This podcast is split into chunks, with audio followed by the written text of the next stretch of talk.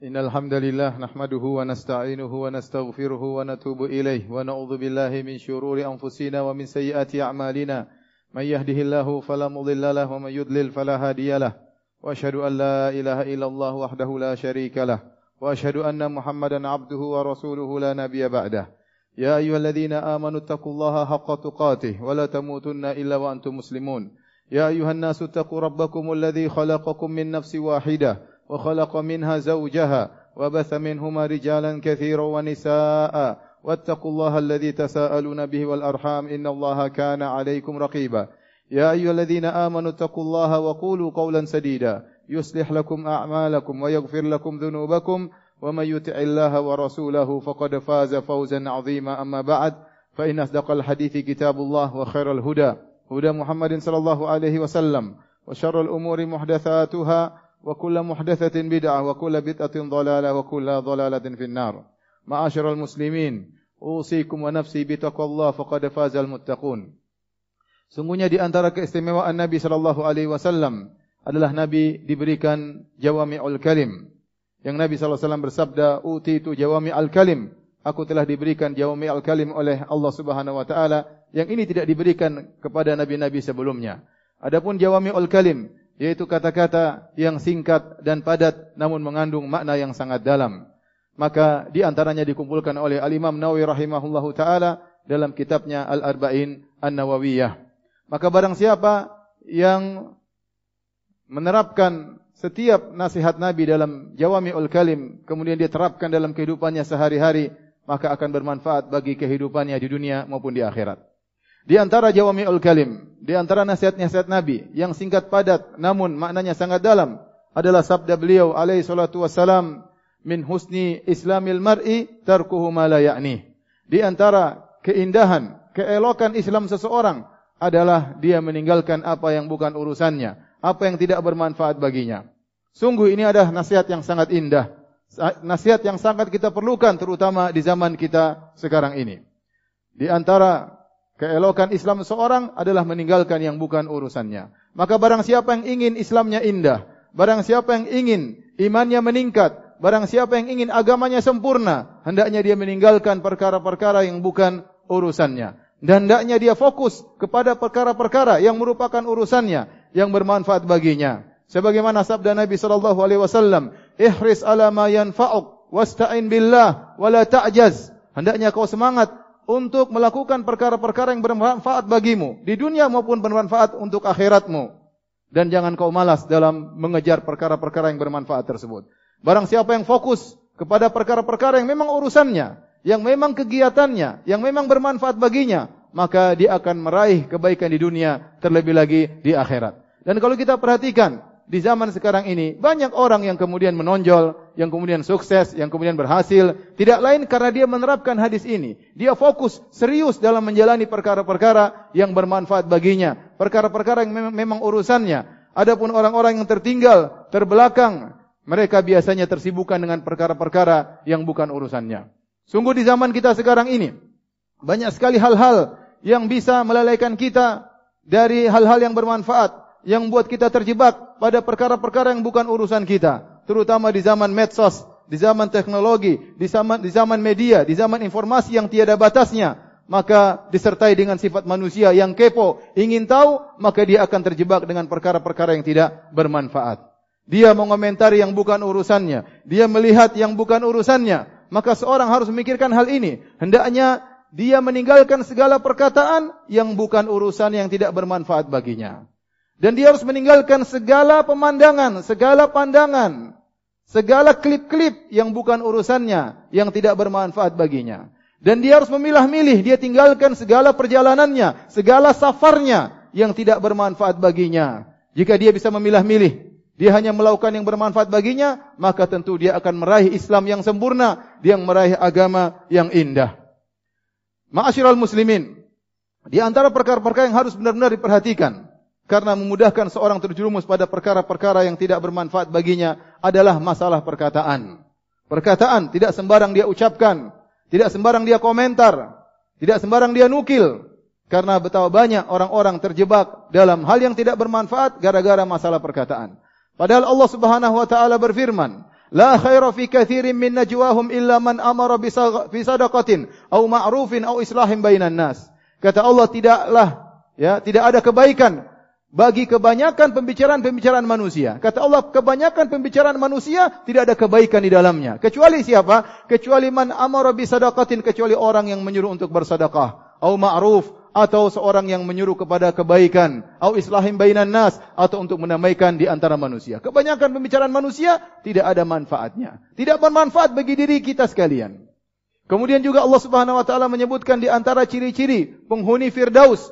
Kata Allah Subhanahu wa taala, "Qad aflahal mu'minun alladzina hum fi salatihim khashi'un walladzina hum 'anil lagwi mu'ridun." Kata Allah Subhanahu wa taala, sungguh beruntung orang-orang yang beriman yang di akhir ayat kata Allah mereka adalah pewaris surga Firdaus. Di antara sifat mereka yaitu mereka khusyuk dalam salat mereka, di antara sifat mereka walladzina hum 'anil lagwi mu'ridun. Mereka berpaling dari perkataan yang sia-sia. Ya, mereka berpaling dari perkataan yang sia-sia. Kemudian juga di antara ciri-ciri ibadur rahman kata Allah Subhanahu wa taala walladzina la yashhaduna az-zura wa idza marru bil lagwi marru kirama. Yaitu orang-orang yang tidak ya yang tidak mempersaksikan dengan persaksian yang palsu dan mereka jika melewati perkara yang sia-sia maka mereka tinggalkan begitu saja. Mereka tidak nongkrong untuk melihat perkataan yang sia-sia, untuk nimbrung dalam perkataan yang sia-sia. Maka betapa banyak di zaman ini kita terjebak dalam hal ini. Ikut-ikutan ngomong, ikut-ikutan komentar, ikut-ikutan tulis status, ikut mendengarkan pembicaraan orang lain, ikut masuk dalam perdebatan orang lain, sehingga tidak terasa waktu kita terbuang-buang gara-gara pembicaraan yang tidak bermanfaat. Maka berhati-hati dan waspada. Jangan sampai waktu kita hilang, umur kita terbuang sia-sia gara-gara omongan-omongan yang tidak bermanfaat. Di antara hal-hal yang juga menjebak manusia dalam perkara yang tidak bermanfaat adalah yang dilihat klip-klip YouTube-YouTube ya, yang sekarang banyak beredar di HP kita, di medsos kita, di akun-akun kita, Sikap kepo kita ingin tahu sehingga banyak hal-hal yang kita lihat yang tidak perlu. Kita ingin lihat apa yang dikerjakan si fulan. Untuk apa kita tahu apa yang dikerjakan oleh si fulan? Kita melihat pertandingan, perkelahian, perdebatan, caci maki, pergolakan di antara manusia yang tidak ada urusannya dengan kita. Namun kita ingin tahu, lihat apa yang dikerjakan si fulan. Apa yang dikerjakan artis fulan? Apa yang dikerjakan politikus fulan? Apa yang dikerjakan si fulan, si fulan, si fulan waktu kita habis? Apa jawabannya? Apa bantahannya? Apa penengahnya? Bagaimana perdebatannya? Terus kita ikuti, ikuti, ikuti. Tidak ada faedahnya bagi kita. Dan kita tidak beri manfaat kepada orang lain. Hanya nonton. Apa faedah yang kita dapatkan setelah berklip-klip kita nonton, berjam-jam kita habiskan waktu kita? Seandainya kita mengambil Al-Quran untuk kita baca. Seandainya kita bertasbih kepada Allah Subhanahu Wa Taala. Seandainya kita mendengar pengajian. Sungguh waktu kita terbuang-buang gara-gara apa yang kita lihat dan terlalu banyak yang kita lihat yang tidak ada manfaatnya dalam kehidupan kita. Kemudian di antara hal yang juga menghabiskan umur kita pada perkara yang tidak bermanfaat, menjadikan Islam kita tidak indah, menjadikan iman kita berkurang adalah sibuk dengan mendengarkan berita-berita yang tidak ada urusannya dengan kita. Ingin tahu, dengar berita ini, dengar berita itu. Tidak ada hubungannya dengan pekerjaan kita. Tidak ada hubungannya dengan perdagangan kita. Tidak ada hubungannya dengan istri kita dan anak kita. Tidak ada hubungannya dengan kita. Kemudian kita ingin tahu, ingin tahu mendengar. Akhirnya kita mendengar gibah, kita mendengar namimah, kita mendengar tuduhan, kita menganalisa. Padahal dibangun di atas berita-berita yang belum tentu benar. Kita membantah. Terjebak dalam hal-hal akhirnya membuat kita binasa, menghabiskan umur kita, menghabiskan waktu kita. Bahkan terjerumus dalam dosa-dosa yang dilarang oleh Allah Subhanahu wa taala. Aqulu qawli hadza astaghfirullah li wa lakum wa lisairil muslimin min kulli dhanbin wa khathiyah fastaghfiruhu innahu huwal ghafurur rahim.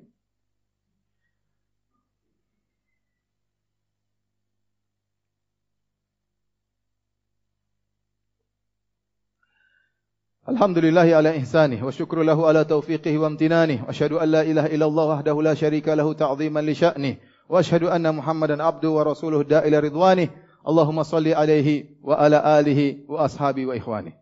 Ma'asyiral muslimin, di antara hal yang membantu kita untuk bisa fokus pada perkara yang bermanfaat dan berusaha untuk meninggalkan perkara-perkara yang tidak bermanfaat adalah perkara-perkara berikut ini. Yang pertama, yaitu hendaknya kita yakin bahwasanya Allah Maha melihat apa yang kita lakukan. Apa saja yang kita kerjakan, apa saja yang kita bicarakan, apa saja yang kita tulis, Apa saja yang kita lihat, kegiatan kita semuanya dilihat oleh Allah Subhanahu wa taala. Tentu kita tidak ingin Allah melihat kita dalam kondisi kita buang-buang waktu. Tatkala kita yakin Allah Maha melihat apa yang sedang kita kerjakan, kita ingin tampil di hadapan Allah dengan sebaik-baiknya. Kita ingin tunjukkan kepada Rabb kita bahwasanya kita memanfaatkan nikmat umur, nikmat usia yang Allah berikan kepada kita. Maka seorang menghadirkan dalam dirinya bahwasanya Allah sedang melihat apa yang dia kerjakan. Maka tidak pantas kemudian Allah sedang melihat dia lantas dia habiskan waktunya pada perkara-perkara yang tidak bermanfaat, dia membuang-buang umurnya begitu saja. Yang kedua, agar membantu kita untuk fokus kepada perkara yang bermanfaat dan meninggalkan hal-hal yang tidak bermanfaat, yang bukan urusan kita, maka kita harus yakin bahwasanya segala apa yang kita ucapkan, segala apa yang kita lihat, segala apa yang kita dengar akan tertulis dalam catatan amal kita yang akan kita lihat pada hari kiamat kelak.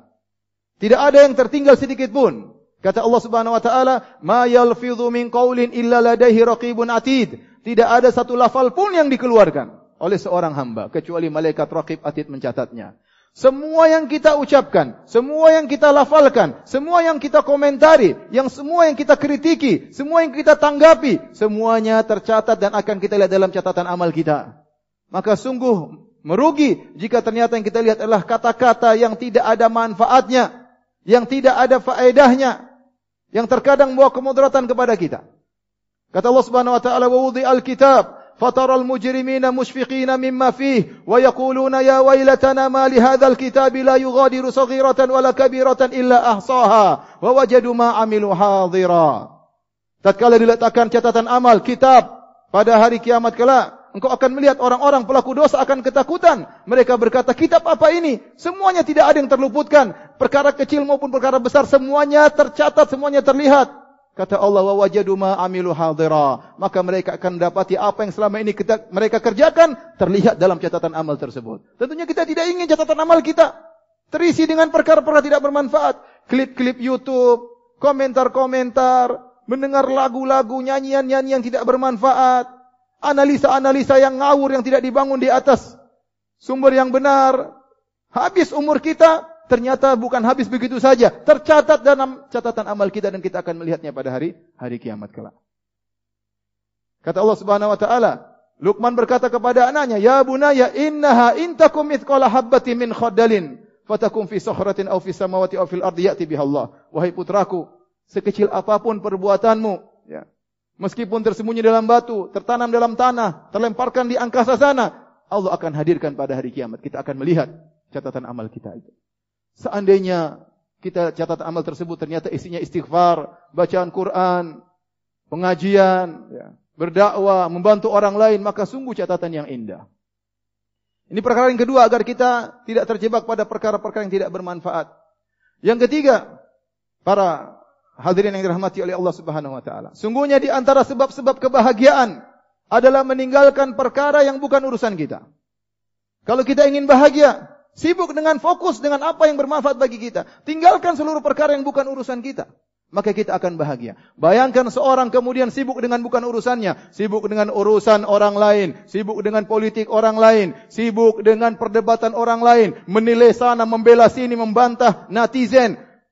Subhanallah hati dia berisi dengan dengki, dongkol, hasad, murka, suudzon kepada orang lain. Bagaimana dia mau bahagia? Kalau anda ingin hati anda bersih, tidak dengki sama orang lain, tidak suudzon kepada orang lain, sibuk dengan urusan anda. Jangan sibuk dengan yang bukan urusan anda. Akhirnya hati ini penuh dengan kebencian. Hati ini penuh dengan kesengsaraan. Tidak ada kebahagiaan. Kenapa? Karena sibuk dengan urusan-urusan yang bukan urusan kita. Ma'asyiral muslimin. Demikian juga kita melihat sana sini melihat ada orang si fulan kaya raya, mobilnya mewah, ya. Kemudian hati kita menjadi tidak bersyukur kepada Allah. Hati kita menjadi sengsara. Kenapa mobil dia mewah sementara mobil saya tidak mewah? Kenapa rumahnya mewah sementara rumah saya kecil? Kemudian tidak bahagia. Kenapa? Karena terlalu banyak yang kita lihat yang bukan urusan kita. Ada orang aneh-aneh ingin dapat viewers yang terbanyak. Maka dia bikin acara aneh-aneh, shooting di klip, kemudian tersebar. Kita pun ikut-ikut nonton. Habis waktu kita 15 menit, 20 menit nonton yang tidak ada manfaatnya. yang tidak ada manfaatnya. Hati kita pun menjadi hitam, hati kita menjadi sengsara. Seandainya waktu kita tidak kita habiskan untuk melihat klip-klip tersebut, untuk mendengar berita-berita tersebut, berita tentang alam dunia, tentang macam-macam yang bukan urusan kita, maka kita akan fokus ngurus istri kita, ngurus anak kita, ngurus diri kita, ngurus agama kita, ngurus hafalan kita, ngurus hal-hal yang bermanfaat bagi kita. Maka seorang harus sadar, ya, kalau dia ingin bahagia, tinggalkan perkara-perkara yang bukan urusannya. Yang terakhir para hadirin rahmat Allah Subhanahu wa taala. Ketahuilah sejauh mana Anda sibuk dengan perkara yang bukan urusan Anda, maka akan luput dari Anda manfaat-manfaat yang harusnya Anda bisa raih. Contoh seorang pemuda di zaman sekarang, sibuk ikut berita misalnya, berita pertandingan liga ini liga anu, dia nonton pertama, kedua, ketiga, semifinal, babak final dan seterusnya. Kemudian ganti lagi berikutnya, liga berikutnya, liga berikutnya tiada berhentinya. Kemudian dia ikuti bagaimana pemain bola ini, bagaimana kabarnya, bagaimana beritanya, bagaimana siapa yang kontrak, dan seterusnya dia ikuti. Habis waktu, berjam-jam kalau dikumpulkan. Kita tanya sama dia, wahai sang pemuda, apa yang kau dapatkan dari ini semua? Apakah kau dapat harta dari nonton ini semua? Dengan pasti, dengan yakin dia berkata, tidak ada harta yang saya dapatkan. Tanyakan, tanyakan lagi kepadanya. Kau habiskan waktu semua ini untuk nonton semua ini. Apakah ada keutamaan kau jadi mulia dengan nonton ini semua? Dia pasti jawab, tidak ada. Dengan yakin dia berkata tidak ada kemuliaan gara-gara saya nonton ini.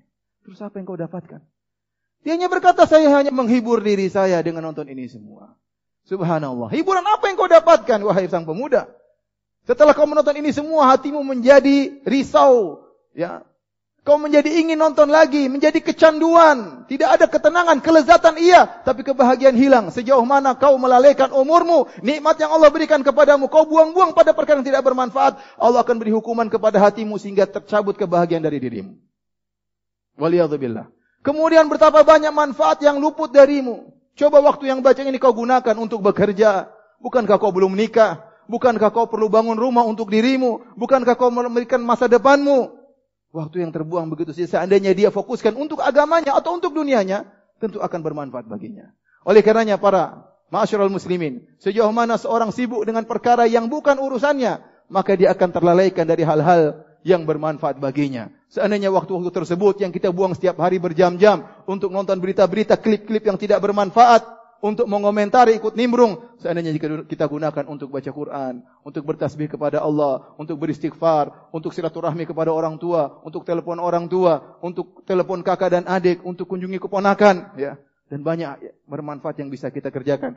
Tentunya kita akan diberikan kebahagiaan oleh Allah Subhanahu wa taala. Inna Allaha malaikatahu yusalluna ala nabi ya ayyuhalladzina amanu sallu alaihi wa sallimu taslima. Allahumma salli ala Muhammad wa ala ali Muhammad kama sallaita ala Ibrahim wa ala ali Ibrahim innaka Hamidum Majid. Wa barik ala Muhammad wa ala ali Muhammad kama barakta ala Ibrahim wa ala ali Ibrahim innaka Hamidum Majid. Allahumma ighfir lil muslimina wal muslimat والمؤمنين والمؤمنات الأحياء منهم والأموات. إنك سميع قريب مجيب دعوات ويا قاضي الحاجات. اللهم آت نفوسنا تقواها وزكها أنت خير من زكاها أنت ولي مولاها.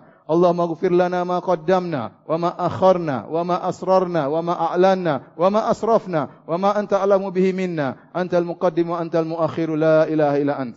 اللهم أصلح لنا ديننا الذي هو عصمة أمرنا وأصلح لنا دنيانا التي فيها معاشنا وأصلح لنا آخرتنا التي إليها معادنا واجعل الحياة زيادة لنا في كل خير واجعل الموت راحة لنا من كل شر. ربنا آتنا في الدنيا حسنة وفي الآخرة حسنة وقنا عذاب النار وأقيموا الصلاة.